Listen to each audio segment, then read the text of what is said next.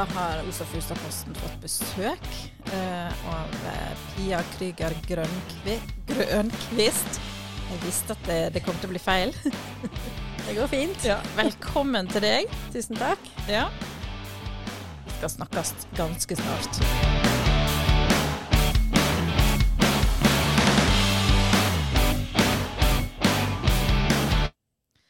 Er ikke så veldig belevende beleven på denne teknikken, så det er litt sånn brå eh, overganger her. Men velkommen skal du iallfall være. Takk skal du ha. du er altså einingsleder i eh, ja, nå, nå ble jeg litt usikker. Krisesenteret, heter det det, eller har det et litt uh, Ja, lengre navn? altså, det heter Krisesenter for Bergen og omegn. Ja. Ja, For det er for de innbyggerne som bor i Bergen kommune, og 17 omegnskommuner. Og Deriblant Bjørnafjorden, da. Ja. Stemmer. Så bor du her i Os, du er utdanna sosionom, har røtter i Fusa, og nå er du nødt til å fortelle meg hva den plassen heter der du har røttene dine. Ja, jeg kan jo ikke si det, fordi alle ler av meg, men det er altså Sjørsand, Sjørsand, som jeg sier. Ja, du, jeg syns du sier det helt fint, jeg, altså. Men, Det er helt umulig å si det, for jeg kan ikke skarre. Nei. ja, men der har du røttene dine fra, og jeg. navnet ditt Krüger fra. Grønkvist er din manns navn, og han er finlandssvensk. Ja, Ja. det stemmer. Dette er viktig for alle de som har et behov for å plassere deg. Mm. Men du er her i dag for å snakke om eh, et ganske så viktig tema, men også litt alvorlig. Um, du møter jo i ditt arbeid eh, en, en verden som veldig mange av oss ikke ser. Eh, kan ikke du bare begynne med å fortelle litt om hva, hva består jobben din av, og hva, hvordan Ja. er livet på krisesenteret?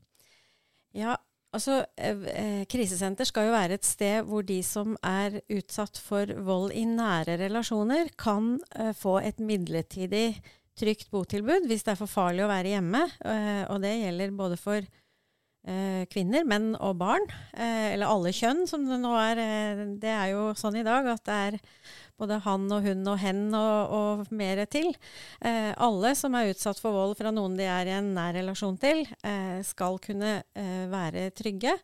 Eh, og så gir vi også veldig mye råd og veiledning til de som ikke trenger et beskyttet botilbud, men er utsatt for, står i fare for å bli utsatt for vold, eller har vært utsatt for vold i mange år og prøver å finne fotfeste igjen etterpå, men det er ikke så lett.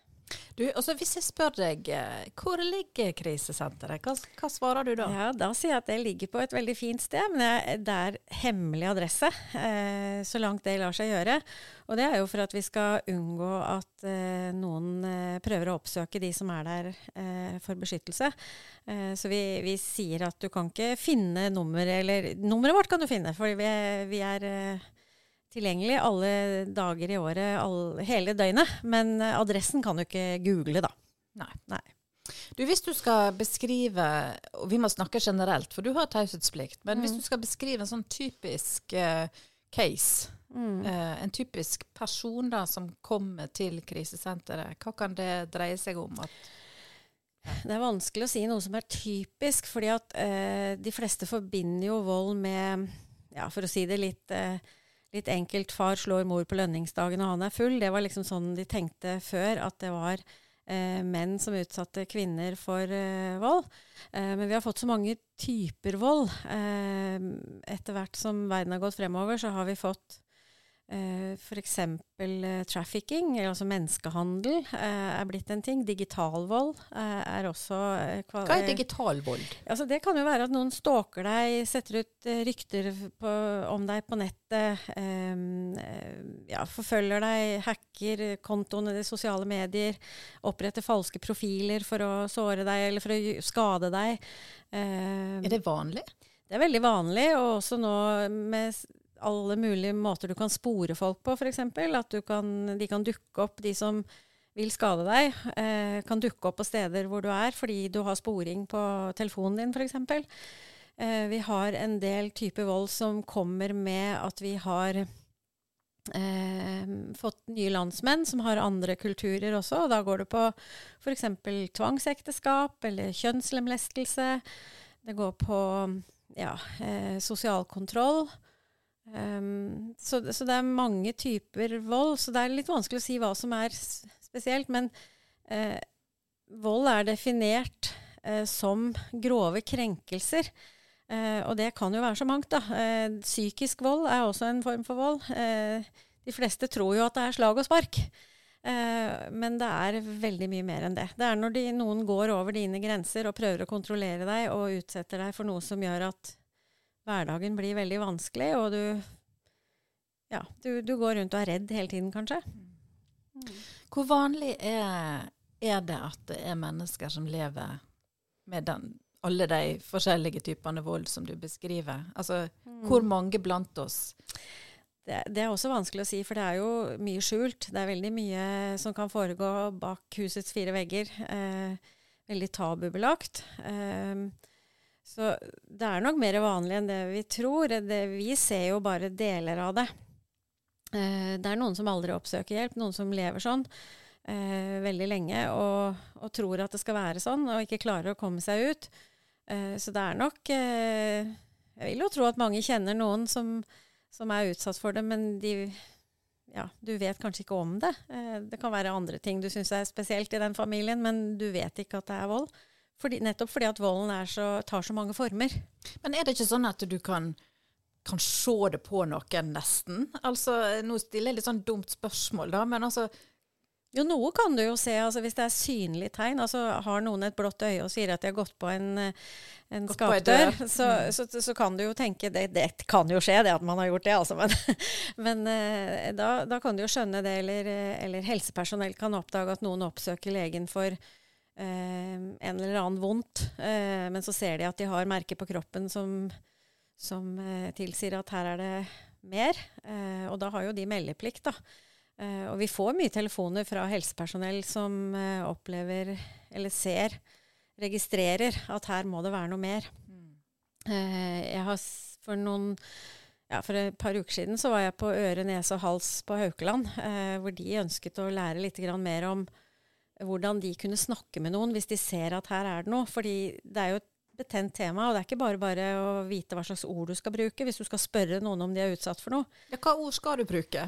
Ja, det kan du si. Eh, det er jo veldig vanskelig av og til, fordi at en del kommer dit kanskje med følge med den partneren som har, utsetter deg for en eller annen form for vold. og eh, det, da, da, går det jo ikke an å spørre direkte. Er det noen som slår deg, eller er det noen som kontrollerer deg? Er det noen som som eh, gjør livet behagelig for deg. Eh, det må være at eh, du kan si at hvis det er noe mer du har lyst til å snakke med meg om, så kan du sende meg en mail, eller du kan man kan f.eks. be den som følger om å gå ut et lite øyeblikk, si at du må ta en undersøkelse hvor du er alene med vedkommende, f.eks.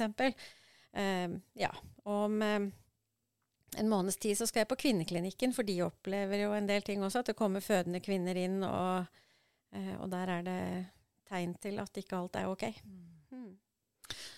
Hvis, vi, hvis, vi, prøver å tenke De fleste av oss lever jo i en hverdag med naboer, og vi har unger som er på skolen, vi har kollegaer. Mm. Um, hva skal en på en måte se etter for å kanskje fange opp signalet om at noen trenger hjelp? Ja, si det. Det er jo noen som kanskje gir deg noen hint uten å si det med direkte ord. Og da må man ha et ganske sånn avklart forhold til det selv også, og tørre å spørre. Altså man må ikke være redd for å eh, at vedkommende kanskje blir sint med en gang, for det er jo veldig skambelagt, dette her. Så det er ikke alle som takler at noen spør deg direkte, så det blir vel mer å prøve å, å eh, hva skal vi si, prøve å vinne tillit i forhold til at det går an å snakke med noen om det, og, og gjerne hvis man selv setter seg litt inn i hvor man kan få hjelp, da. Eh, F.eks. å vite at du kan ringe til krisesenteret når som helst eh, for å få råd og veiledning. Det er jo ikke alle som trenger å komme og bo der, men de kan få vite om andre tjenester som også hjelper i forhold til vold osv. Eh, få hjelp til å skaffe advokat hvis du trenger det. ta kontakt med politiet hvis du ønsker å anmelde. og også få råd hos barnevernstjenesten f.eks., for, eksempel, for det er jo veldig mange barn som er involvert i dette her også. Så, og menn er jo også en, hva skal vi si, ikke en ny gruppe, men det er blitt mer kjent at menn også blir utsatt for ulike former for vold. Kanskje du kan si litt om det. Er det mm. noen forskjell på hvordan menn utøver vold i forhold til hvordan kvinner er voldelige? Eh, noe forskjell er det jo eh, pga. hvordan altså Som regel da, så er jo menn sterkere enn kvinner, og sånt noe, men, men siden det er så mange ulike former for vold, så så kan nok menn bli utsatt for både fysisk, psykisk og alle de andre formene for vold. Eh, kanskje spesielt psykisk vold, eh, som, som, er veldig skambelagt. Det er vanskelig for en mann å si at en, han har en kone eller kjæreste eller partner som, som eh, kontrollerer og styre livet sånn at du ikke får bestemme noen ting selv, f.eks. Det er vold, det også. Da kan vi jo bruke et uh, veldig aktuelt eksempel som var veldig mye debattert her tidligere i år, og det er jo den rettssaken fra USA mm. mellom Johnny Depp og Amber mm. Heard. Den satte den. jo dette Ja, du ja. fulgte den. Mm. Som fagperson, hvordan uh, Det varierte veldig underveis hva jeg, hva jeg syntes, men Eh, jeg vet ikke helt om jeg skal si her hva jeg tenker, men, eh, men at uh, menn av og til kan stille ganske svakt når de blir beskyldt for, for, ting av kvinner, det, det, tror jeg nok. Men, men vi skal alltid tro på den som, som, sier at de er utsatt for vold, enten det er kvinner eller menn. vi skal aldri tvile på det, for du eier den sannheten selv. vi skal ikke ta noe stilling til om du har rett eller feil, vi skal egentlig bare vite hvordan vi skal hjelpe deg. Vi, vi, er gode på det som heter traumebevisst omsorg, da. Det er jo traumatisk å være utsatt for, for vold. Så akkurat den rettssaken vet ikke om jeg skal uttale meg om. Det var jo interessant å, å, å se, og det var, jo, det var, jo, nesten som et uh, skuespill, rett og slett. Det blir veldig sånn unorsk ja, for oss ja, det det. Det at, at, alt er live-overført på mm, den måten. Mm. Men, men, han gjorde vel kanskje en tjeneste for menn som faktisk blir utsatt for overgrep, da? Ja da. Det, det, tror jeg nok. Også at han eh, som er så profilert, eh, turte å, å, fortelle hva han har vært utsatt for. Uten, han brukte ikke så veldig mange ord, men han viste jo på mange måter at, eh, at eh, kvinner kan faktisk også utøve ganske stor makt over menn og gjøre hverdagen vanskelig. Du, jeg vet ikke hvor, hvor, mye innsikt du har i Du jobber vel mest med, med fornærma i, mm. i sånne mm. voldssaker. men hva er det som gjør at noen slår, og at noen er skikkelig slemme, rett og slett? Nei, altså eh, Det, det kan være, det kan være eh, De sier jo at vold avler vold. altså Det kan jo være at du har vokst opp i det selv, og selv om man tar avstand eh, det eh, når man er barn. Så, så, når man blir presset opp i et hjørne selv, kanskje, så har man ikke noe annet verktøy. Altså Man gjør som foreldrene gjorde. For, foreldrene er forbilder på godt og vondt. Så hvis du ikke har lært av andre måter å håndtere motgang, eller eh, ja, at ikke noen gjør akkurat som du vil, så, eh, så, så, er det det man tyr til. Det kan være mye psykisk uhelse også som gjør det. At man ikke er kapabel til å håndtere ting på andre måter. Um, det er vanskelig å si det. Og så er det også noe som er uh, kulturelt betinget, sånn som oppdragervold f.eks. Altså, I noen land så kan man jo, uh, uten at det er noe galt, uh, slå barn i oppdragerøyemed. Vi skal jo ikke så mange år tilbake før det var Neida. vanlig i Norge. Nei. Nei. så det er, det er um, det er vanskelig å si hvorfor noen gjør det. Men ja, noen sier også at når man ikke har noen flere argumenter igjen og ikke kommer noen vei, så, så, så kan enhver eh, miste besinnelsen.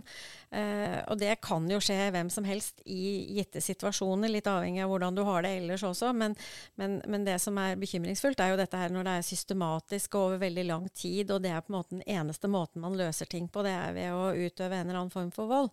Eh, så da snakker vi jo mer om nesten vold satt i system, da.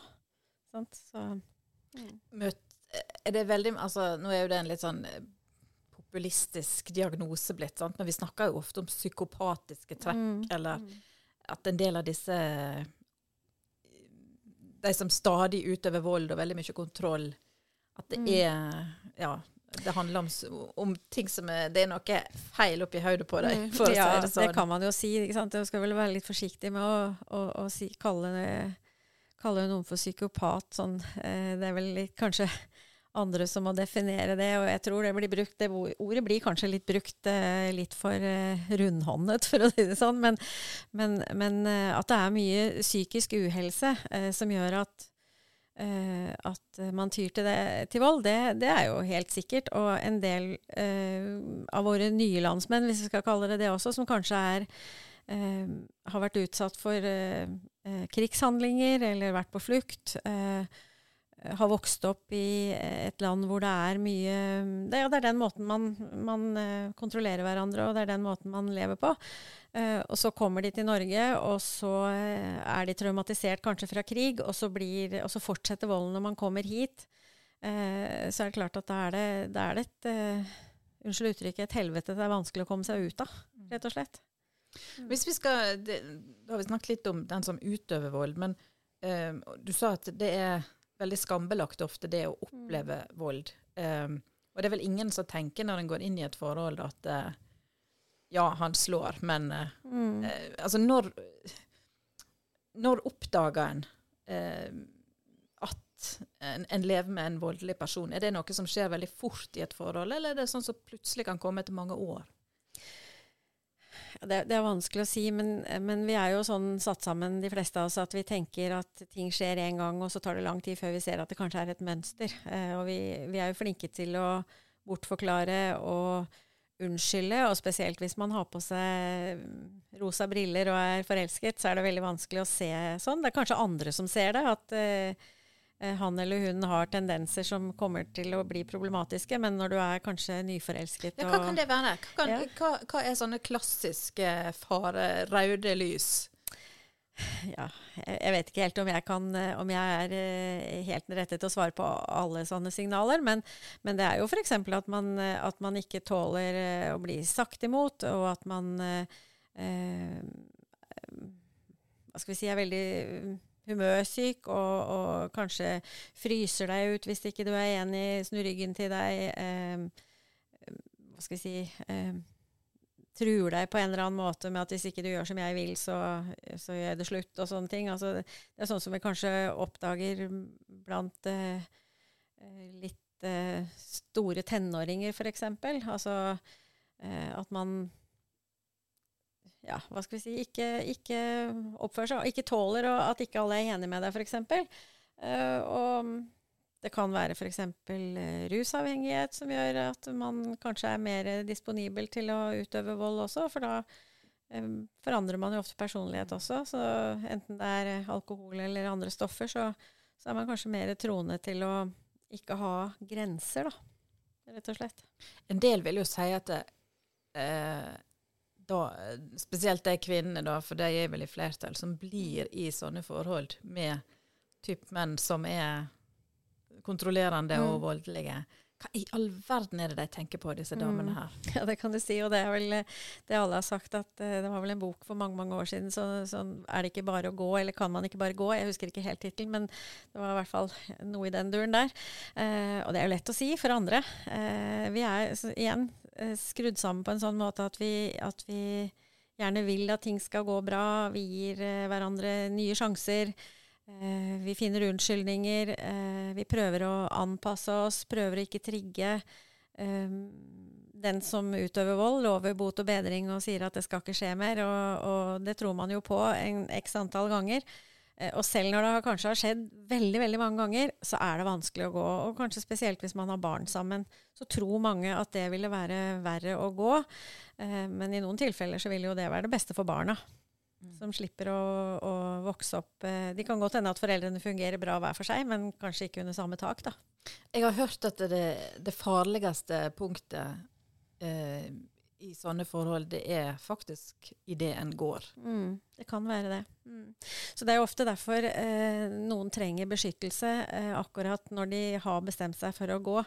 Eh, og da er det lurt å forberede det litt, sånn at man får med seg litt ting osv. Og, så og, og avtale med noen du stoler på, du, sånn at du kan komme deg unna før vedkommende kommer hjem fra jobb, f.eks. For det, er, eh, det, kan være problematisk og veldig dramatisk og traumatisk for barn, f.eks. Hvis, eh, hvis den som eh, vil gå, blir prøvd Altså den andre prøver å holde igjen, osv. Så, videre. så det du så. sier, at det, for den som da lever i, i, i, et voldelig forhold, og som har bestemt seg for å bryte ut, så en, bør en planlegge det litt. Mm, ja, det er nok det. Noen ganger må man Altså, vi får jo folk på krisesenteret som eh, som kommer omtrent i eh, pysjen, og av og til nesten ikke det.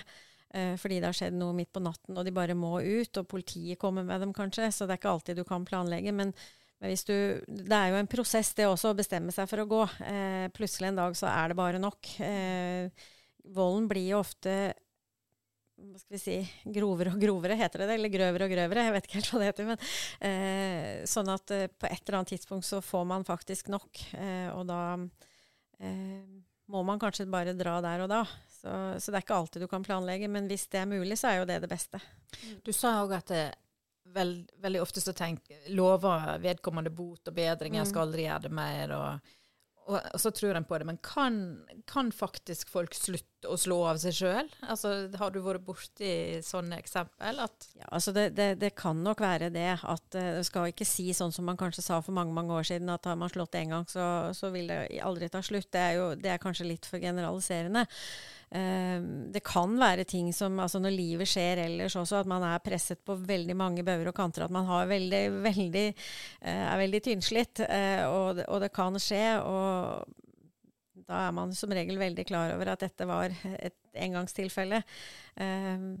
vi vet ikke hvem som kan komme i en sånn situasjon, men det er ofte at volden får litt andre former etter hvert og blir, blir, verre og verre og kanskje mer og mer utspekulert. Eh, og hvis det er sånne ting som at man utøver vold som eh, på en sånn måte at andre ikke skal se det, så er det jo mer planlagt og systematisk, ikke noe som skjer eh, veldig spontant, da, hvis vi skal kalle det det. Mm. Er det en farligere type vold, nesten? Ja, det er jo det. For den er jo eh, veldig vanskelig for andre å kunne hjelpe den voldsutsatte med. Eh, er, eh, og, de voldsutsatte syns jo det er vanskelig å, å, å, fortelle om det. De hører jo selv når de skal fortelle om det, at det høres ut som de er eh, ikke helt med. Eller for vedkommende som utøver vold, er kanskje en veldig vellykket person eh, som alle syns er kjekke og sjarmerende og, og, hyggelig. Og så, og så, er de mer utkrøpende i, i måten de utøver vold på. Eh, og da er det veldig vanskelig for den voldsutsatte å, å forklare overfor andre at, eh, at, en så vellykket og flink og sjarmerende person eh, faktisk eh, utsetter deg for en eller annen form for vold. Da. Du, kanskje du kan si litt om det, fordi her om dagen så snakket jeg med, med noen som fortalte at de hadde hatt en nabo tidligere der alt på en måte på utsida så så fantastisk og fint ut. Mm. Og plutselig en dag så var hun reist. Mm. Eh, og da viste det seg at eh, ja. Mm. Det hadde ikke stått helt bra til bak fasaden der. Eh, hvor, hvor, er det disse tingene skjer? Altså hvem er det som leve i disse, disse forholdene her At, ja, du, Kan det skje overalt? Det kan skje overalt. Det er, hva skal vi si, det, er, det kjenner ingen stilling eller stand, som vi sier. Altså, det skjer uh, hos hvermannsen. Uh, det er totalt uh, avhengig av, hvis vi skal kalle det samfunnslag, da. dumt uttrykk, egentlig. Men, men det skjer i, i, veldig mange familier som aldri noen skulle tro at at kunne skje, da. I vellykket, såkalte, såkalte vellykkede familier. Ja, ja. Møblerte hjem. Ja da. Det er det jo også. Så, og også um, Det kan være høyt utdannede folk med, med, hva skal vi si, gode jobber som uh, har uh, en eller annen avhengighet, f.eks., og de utøver vold mot hverandre. Det er jo mulig. Uh, vi har jo også et beskyttet botilbud til rusavhengige i, eh, som er utsatt for vold i nære relasjoner også. Uh, og det kan være den som har en nær relasjon til Altså du kan være, bruke de sterkeste stoffene, og den som er din nære relasjoner, er kanskje både kjæresten din og langeren din og, og halliken din, hvis vi skal si det sånn. Men det kan også være fruen fra Kalfaret som drikker for mye rødvin og tar for mye piller og, og slåss eh, med mannen sin. Eller utøve vold mot mannen sin, for den del. sånn at det, det skjer overalt. Eh, det er ingen som kan eh, helt gardere seg mot det, rett og slett. Mm. Kan ikke du si litt om hvordan er hverdagen inne på, på krisesenteret? Fordi mm. altså, der flytter det da det er flest kvinner og barn, og så mm. noen, eh, noen ja. menn? Altså vi har, et, vi har et, det vi kaller hovedhuset, og der er det for kvinner og, og barn. det er aldri fullt hos oss. Vi har muligheter hvis det, det er alltid alltid plass. Passer dere på at dere alltid har noen ledige ja, rom? Da, vi har alltid vi har muligheter. Eh, ja. Så ja. Eh, Eh, vi har også et eget krisesenter for menn og deres barn. Og så har vi også tilbud til rusavhengige kvinner og rusavhengige menn. Men det er på ulike lokasjoner, da. Uh, og det vi er litt opptatt av, er at vi skal ikke være som en institusjon. Vi skal være et hjem utenfor hjemmet. Uh, når det kommer en familie, det kan komme en mor eller far med mange barn, skal man prøve å opprettholde daglige rutiner. Barn skal helst gå på skole og i barnehage og fritidsaktiviteter, men noen ganger er det litt for farlig. Så da må vi få lærekrefter fra eh, den kommunen eh, de kommer fra. For det er fortsatt kommunen de kommer fra som har ansvar for sine innbyggere. Så, så, da må vi kanskje ha gjestelærer, eller de må på en gjesteskole hvis de må bo på krisesenter over tid. da. Og det er som et bofellesskap. Det er et stort hus med mange rom. Og det er et, eh, et hus med mange krinkelkroker, og det er nesten litt sånn Villa Villekulla. og um, der er det Lager de maten selv og har hvert sitt soverom og deler stuer og lekerom og ungdomsrom og uteareal og hage osv. Eh, noen er der noen dager, noen er der i mange måneder. Og det er daglige rutiner. Noen går på jobb, noen Eh, kan ikke gå på jobb, for det er for farlig. Eh, noen ganger har vi noen som er fra andre byer, f.eks. Oslo eller Stavanger, og det er for farlig å være der. Og noen ganger må folk fra bergensområdet som sogner til vårt krisesenter, eh, reise til andre steder i landet fordi det er for farlig å være i Bergen. Er det vanlig at uh, kvinner som har kommet, eller menn som har kommet til dere og vært en periode, reiser tilbake til sine mm, det skjer. forhold? Det skjer. Hvordan oppleves det? Eh, det er vel sånn som Altså, vi prøver jo å, eh, å, be de puste litt med maven og kanskje tenke seg litt om, men vi kan ikke hindre. Det er et lavterskel, det er ikke noe tvang å være hos oss, det er helt frivillig. Eh, vi gir alltid beskjed om at du må bare ringe igjen, du kan komme igjen når som helst. Eh, og det er ikke uvanlig at man drar frem og tilbake noen ganger helt til den dagen man virkelig har fått nok. Mm. Så, så, det er Hvis man drar tilbake til det som kalles voldsutøver. Da. Jeg er ikke så glad i det uttrykket, men det, det er med det vi må kalle det for enkeltes skyld. Eh, og de drar tilbake, og det er barn inne i bildet, så har vi alltid meldeplikt til barnevernet hvis de drar tilbake til voldsutøver. Mm. Så da kan det kanskje skje at barnevernet kommer inn og ja, altså Da skal jo barnevernet inn og gi råd og veiledning. De gjør jo minst av det de fleste frykter. Altså at barna blir Altså man overtar omsorgen, eller foreldrene blir fratatt omsorgen. Men det er jo for å hjelpe dem, da. Eh, og mange av disse barna har jo opplevd ting som de trenger hjelp til å bearbeide også. Og det oppleves ofte utrygt å flytte tilbake. Når du kanskje har vært røsket ut av sengen din midt på natten og måtte dra til et ukjent sted med mange fremmede mennesker, og så vet du at du skal tilbake til samme situasjon, så det er klart at det er vanskelig for mange barn.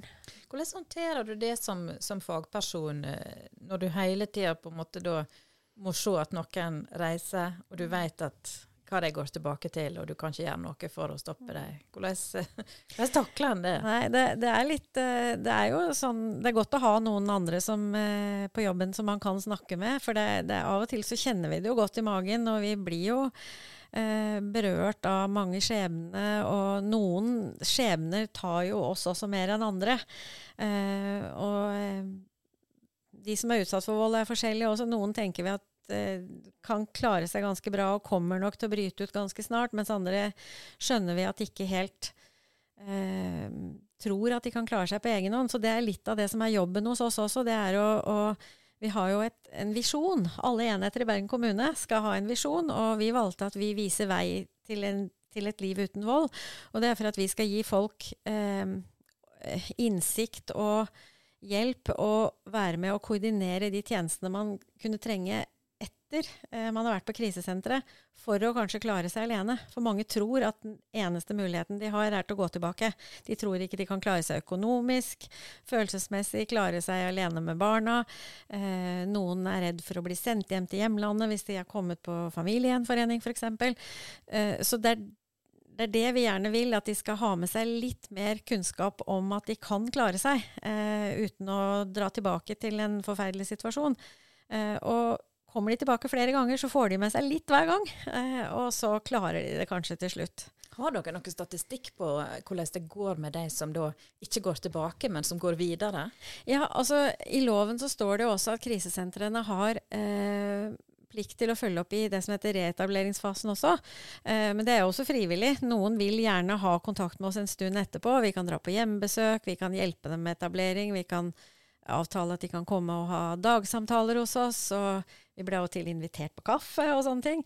Eh, så vi vet jo at veldig mange av de som da endelig bryter ut, eh, går det ganske bra med. Vi har ganske mange gode ordninger her i landet til, for å hjelpe folk i en overgangsperiode.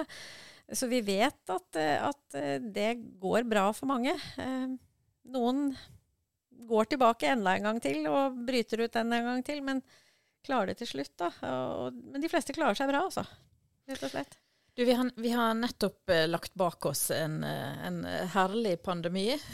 ja. uh, og jeg vet at tall fra krisesenter, eller fra VO-linjen, mm. som vi har skrevet om tidligere, viser at det, det var en veldig økning i henvendelser mm. under pandemien. Fra voldsutsatte kvinner spesielt. da. Mm.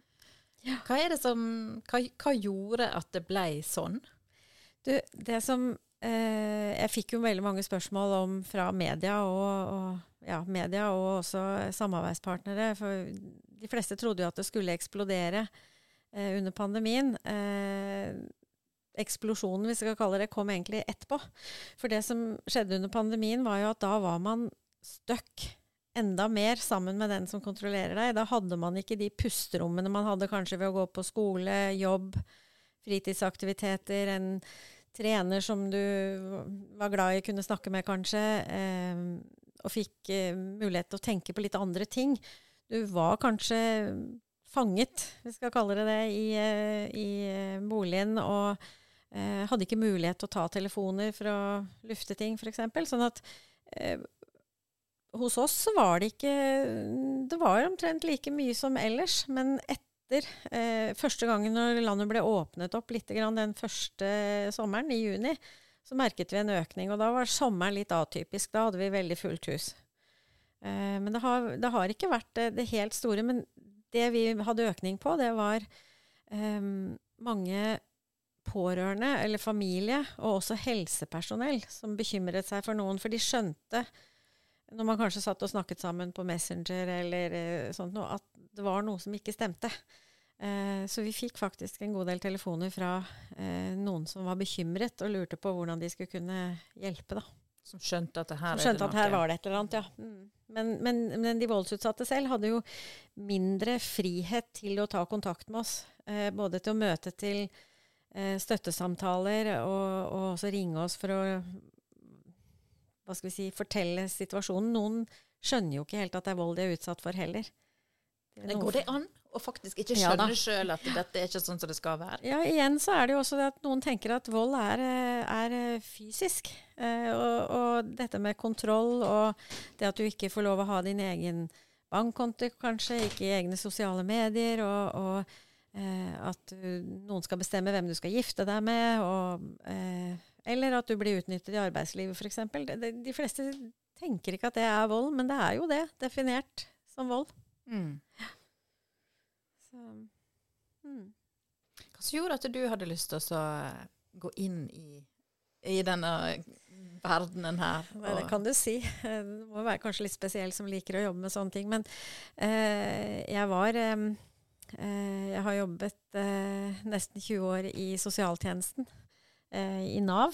Eh, det var også før det ble Nav, da. Eh, så dette var faktisk en jobb jeg ble spurt om jeg kunne tenke meg å ta. Fordi at før Bergen kommune overtok driften av krisesenteret, så var det en organisasjon som drev krisesenteret, med tilskudd fra det offentlige. men i Bergen, med det parlamentaristiske systemet man har der, så ble det politisk bestemt at kommunen skulle overta driften av krisesenteret selv. Og på den tiden så hadde det jo stått veldig mye om krisesenteret i avisene. Eh, som, eh, som, gikk på eh, ting som Arbeidstilsynet hadde påpekt osv. Det, var, det var eh, ikke så mye hyggelig lesning da.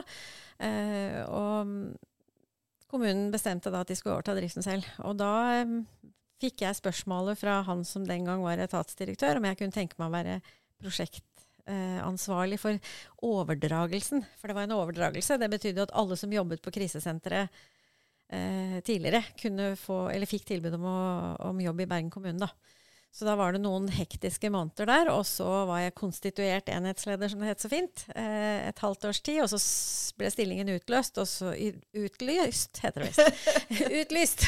og så eh, søkte jeg på den, og så fikk jeg den, da. Ja. Så Du sånn er jo einingsleder, eller på, kort, på godt norsk sjef på, på krisesenteret. Men ligger- Leder håper jeg, ikke sjef. Ja. Men ligger det en slags altså Hvis du skal liksom kjenne etter inni hjertet ditt, ligger det en slags sånn brann for å hjelpe folk? Altså Ligger det et eller annet idealistisk eh, gen som eh, Holdt på å si, hva er det som gjør Ja, altså det er vel kanskje litt når du velger å bli sosionom, det, er, det ligger jo litt i det.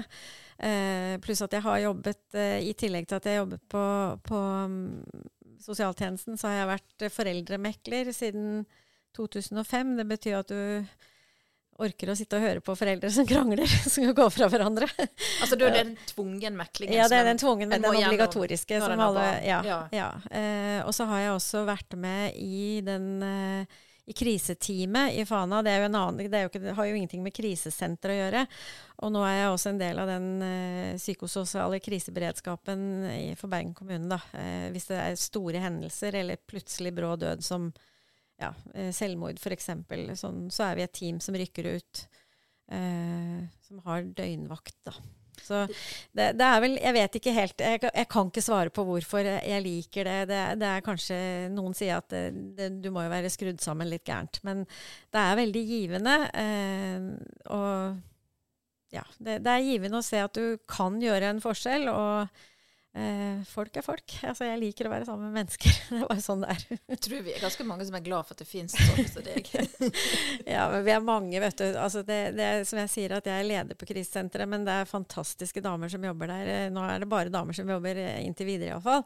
Eh, og det er en, eh, et pågangsmot og en dugnadsånd og en eh, Ja, det er mange ildsjeler der, så, så dette, er, dette er team, altså. Rett og slett. Du, snakker, du, du, har, du sa det at du sitter i kriseteamet til eh, Er det Fana bydel? Nei, nå er det Nei, eh, ikke i Fana nå lenger, siden jeg ikke jobber i Fana bydel lenger. Eh, nå er jeg i det som, den byomfattende kriseberedskapen. Riktig. Eh, ja. Ja. Mm. Eh, og her i Oslo Fustaposten, vi har jo skrevet en del saker denne høsten her Mm. om eh, eh, at det har vært mange selvmord, Mm. og at det er mange unge menn spesielt som har uh, dødd de siste åra. Mm. Uh, og at uh, det går faktisk an at noen kan slite skikkelig Mm. uten at noen rundt veit. Ja.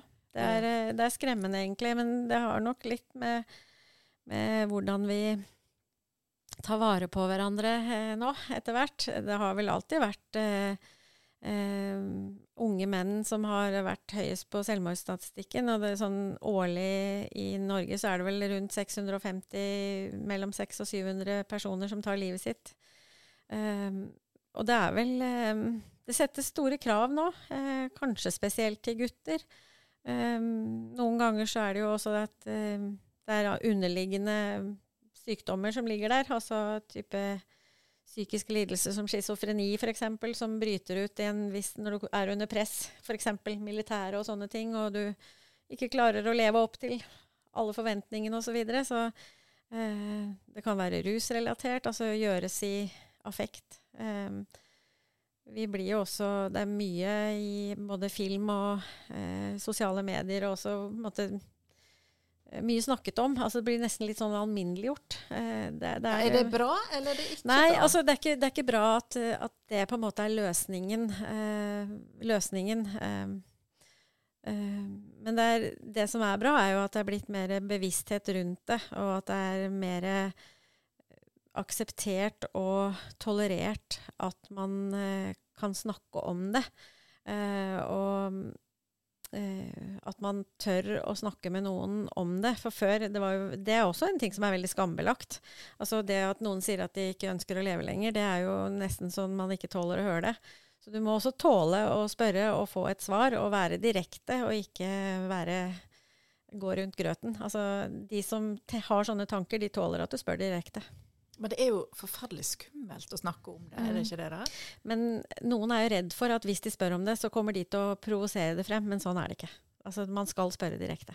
Ja. Har du tanker om å ta livet ditt? Har du tenkt på hvordan du vil gjøre det? ja. Hvis jeg svarer ja, da, hva skal du gjøre da? Ja, da må man uh, prøve å, å, eh, å snakke om grunnene til det, om alternativer. Eh, kan du utsette det litt? Er det noe vi kan gjøre? Det, det, det tar jo lang tid å, fortelle alt man kan snakke om da, men det er jo faktisk en egen, eh, en egen måte å gjøre det på også. Eh, vi på krisesenteret har også eh, tatt Vivat 1 og 2, som er sånn selvmordsforebyggende opplegg. Og det, der lærer man litt om hvordan man kan ivareta noen som kanskje kan føle seg litt mer sett, da, hvis de har sånne tanker. For det er også det at oftest, Man bør være litt trent på å høre det som ikke blir sagt, rett og slett. Eller at noen prøver å gi deg et lite hint i en setning, og håpe at du griper fatt i det så må du også tørre å gripe fatt i det, rett og slett. Du, i, i, i, pressen så foregår det en, en diskusjon for tida om hvordan en skal skrive eller snakke om selvmord. Mm. Tidligere var det jo sånn at uh, bare styr unna. Mm. Ikke, vi mm. skriver ikke om det, vi nevner ikke det. Det var veldig tabu. For en har vært så redd for at det skulle føre til smitteeffekt. Mm. Mens nå er det en, en, revurdering av hele måten en, en forholder seg til selvmord på. Um, du som med din bakgrunn og din uh, ja, med ditt perspektiv, hvordan eh, skal vi snakke om selvmord i det offentlige rom? Ja, igjen så tror jeg det er bare at vi må, vi må tørre å eh, Vi må tørre å spørre hvis vi merker at noen eh, sliter med sånne tunge tanker. Og vi må vite også eh, Ikke nødvendigvis bare snakke om det, men også vite hvor man kan få hjelp, og være en en, en hjelper eh, som, eh, som eh, Hva skal vi si er til å stole på, og så må man orke å stå i det. Altså, det, det er ikke så lurt å, å eh, bare slenge ut en ja, for å si det litt sånn flåste, da, altså en floskel om at det er her for deg, hvis, hvis du faktisk ikke gjør det. Eh, for det er et nytt nederlag og, og, og, kanskje en bekreftelse til vedkommende at det ikke er så mye verdt. Det er vel det er ofte, Hvis du har sånne tunge tanker, så er det fordi du tror at du ikke betyr noe for noen, eller at ikke det spiller noen rolle om du er her eller ikke. Eh, at du ikke har tro på at man kan bli bedre hvis man har tunge tanker. Eh, man mister kanskje eh, håp om at eh, ting kan bli bedre, og da eh, kan du ikke bare som venn eller hjelper bare droppe innom når det passer deg. Da er du nødt til å være litt standhaftig, altså, rett og slett, og være litt på. Men går det an å få hjelp fra noen andre. For de fleste av oss kan jo bli litt redde hvis vi skal stå litt alene i en sånn mm. situasjon og hjelpe noen. Ja, altså det er, er, det lov å ringe en venn? det er lov å ringe en venn, og det er lov å ringe uh, Det er jo ganske mange hjelpelinjer også, og kan være anonym, for veldig mange vil jo helst ikke uh, det er ikke lett for den som har sånne tanker, å snakke med hvem som helst om det.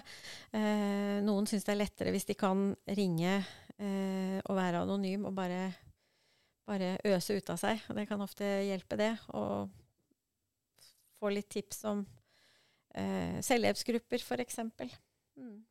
Du, litt tilbake til, du sa at du er ikke så glad for den trenden i kanskje filmer og serier eh, der selvmord blir presentert som en slags løsning på mm. problem. Mm. Eh, det har jo vært noen eh, Det var vel denne 13 Reasons Why, ja. f.eks., ja. som det var litt diskusjon om for et par år siden.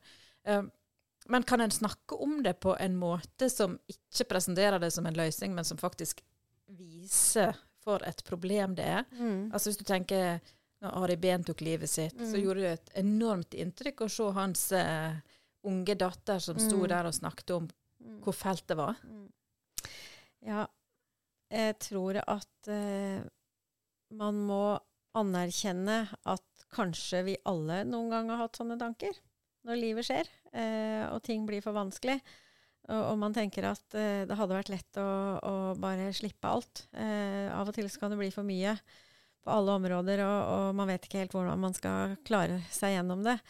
Eh, så jeg tror at eh, man må få vekk dette her med fordømmelse av det. At eh, noen, eh, noen, sier jo at de som tar livet av seg, er veldig egoistiske. Og det kan man jo tenke, for det er jo de som sitter igjen, som blir lei seg. Eh, og vedkommende slipper. Eh, og det er jo det som er grusomt. Men eh, jeg tror det, det, det er viktig å, å, å, tenke at sånne tanker kan alle ha, men at det fins muligheter til å bli glad igjen, og bli glad i livet igjen, da, rett og slett. Vil jeg tenke. At, eh, og det kan være Hvis du merker at noen begynner å trekke seg unna, en som kanskje før har vært eh, veldig aktiv og vært med på ting, og som plutselig begynner å trekke seg unna og finne på unnskyldninger for det meste, så, så, bør det ringe noen bjeller at her er det noe som ikke stemmer, og da bør man være en, en god venn, da, og, og, være litt pågående og ikke godta å bli avvist, for da eh, man vil bli avvist. Det er en måte å komme seg unna på, det å avvise. Eh, og ikke ville ha noe Si at alt er fint og sånn. Så da må man være litt standhaftig, altså. Mm. Rett og slett ikke gi seg. Ikke gi seg. Nei. Nei. Og tåle kanskje at vedkommende blir sint og irritert på deg og sånt også, men det, det, det er det verdt. Mm. Hva er det som gjør at det er så forferdelig vanskelig for oss å be andre om hjelp? Å si høyt at 'jeg har det vanskelig, jeg sliter'. Kan du hjelpe meg? De fleste av oss vil vel være det som er eh, hva skal vi si, vellykket, da, eller det som man anser som å være vellykket. Men altså, igjen, brukt uttrykket flere ganger nå, men livet skjer med oss alle sammen, og, og, og man er jo ikke noe Altså jeg tenker at Det er litt sånn vær mot andre som du vil at andre skal være mot deg. Altså, hvis noen ber meg om hjelp, så tenker ikke jeg noe mindre om dem. Eh, og hvorfor skulle noen andre synes noe mindre om meg hvis jeg en gang ba om hjelp? Altså, det, det kan jo skje hvem som helst av oss at vi på et eller annet område eh, ikke helt klarer å mestre ting. Eh, det kan være andre, altså ting som skjer ellers i familien, eller med barna dine, eller med noen andre du er glad i, som gjør at du er ekstra sårbar og hudløs. Da. Eh, og, og alle kan trenge hjelp en eller annen gang. Men det sitter hardt inne, for vi vil jo gjerne være vellykket. Og det er mye glansbilder rundt omkring da, av hvordan vi egentlig burde være. Du, jeg, jeg har fått et sånt um, eh, favorittuttrykk. Jeg vet ikke om du har hørt det. Det har du sikkert. Du har jo, du har jo levd lenger enn meg. Men, men, men det er et uttrykk som er sånn at du, du skal unne dine venner å se deg mislykkes. Skjønner du Ja. hva som ligger i det? Ja, jeg skjønner veldig godt hva, hva det er. Liksom sånn, Gud meg, vet du hva, det hadde jeg aldri trodd om deg, kan noen si. Du som liksom får til det og det. Ja, altså, jeg får til mye, men det, enkelte ting får ikke jeg til heller. Nå snakker jeg ikke om meg, altså. Men, eh, men eh, det altså, folk er folk. Altså, det, det, vi er da satt sammen eh, Vi er kjøtt og blod og tanker og følelser og eh, sånn. Vi er aldri bare det du ser. Sant? Vi er forskjellige, og vi er forskjellige til i ulike aldre og ulike situasjoner. Så, altså, ingen kan gardere seg mot at livet er håpløst av og til, altså. Det kan vi ikke. Men du, helt til slutt nå, nå har vi snakket lenge, Pia. Men hvis du skal få lov å snakke direkte til, eh, til den som hører på, um, og som kanskje står midt i en veldig, veldig vanskelig livssituasjon, har du noe, har du noe håp å gi? Ja. Eh, håp Ja, altså jeg, jeg tenker at eh, å ta en telefon til noen som eh, kan en del om det du står i, eh, og ikke dømmer deg, eh, tvert imot eh, har noe å tilby. Eh, du kan ringe og snakke med oss og være anonym til å begynne med, hvis du vil det. Du må ikke si navnet ditt. Eh, du kan ringe og si 'det er en venninne', hvis det føles rettere ut, eller en venn. Eh, men jeg, jeg, jeg tenker at man må ikke være så redd for å be om hjelp, eh, fordi det Det er derfor vi er der. Eh, ha, altså, jeg pleier å si at det er synd at vi fins, men det er bra at vi fins. Det er synd at det er nødvendig å ha et krisesenter hvor noen skal være for å få beskyttelse, fordi at det er noen som, som ikke vil deg vel. Eh, men eh, vi er jo der for en grunn, og det er fordi at det er ganske vanlig at noen ja, Vanlig skal jeg vel ikke si, de fleste jo, slipper jo å ha kontakt med et krisesenter, men, eh, men vi har fullt belegg eh, året rundt, så det er et behov, eh, og det er derfor vi er der. Eh, Så, så ta kontakt, og, og hvis ikke vi er det rette stedet, så, så samarbeider vi med veldig, veldig mange andre tjenester og frivillige organisasjoner og eh, psykisk helse, og vi vet veldig mye om veldig mange andre som, som kan hjelpe også. Eh, kanskje du trenger hjelp fra én eller to av de stedene, eh, eller kanskje fem, eller eh, kanskje bare én. Eh, og det er vi gode på å se eh, når du forteller historien din, at akkurat de bør du ta kontakt med, og de kan hjelpe deg med det og det og det. og det. Så, så ikke nøl med å ta kontakt, det er ikke farlig. Eh, og vi forstår, og vi eh, anerkjenner, og vi tror på deg. Så det fins hjelp å få. Det fins hjelp å få. Takk skal du ha, Pia, for at du kom til oss. Bare hyggelig.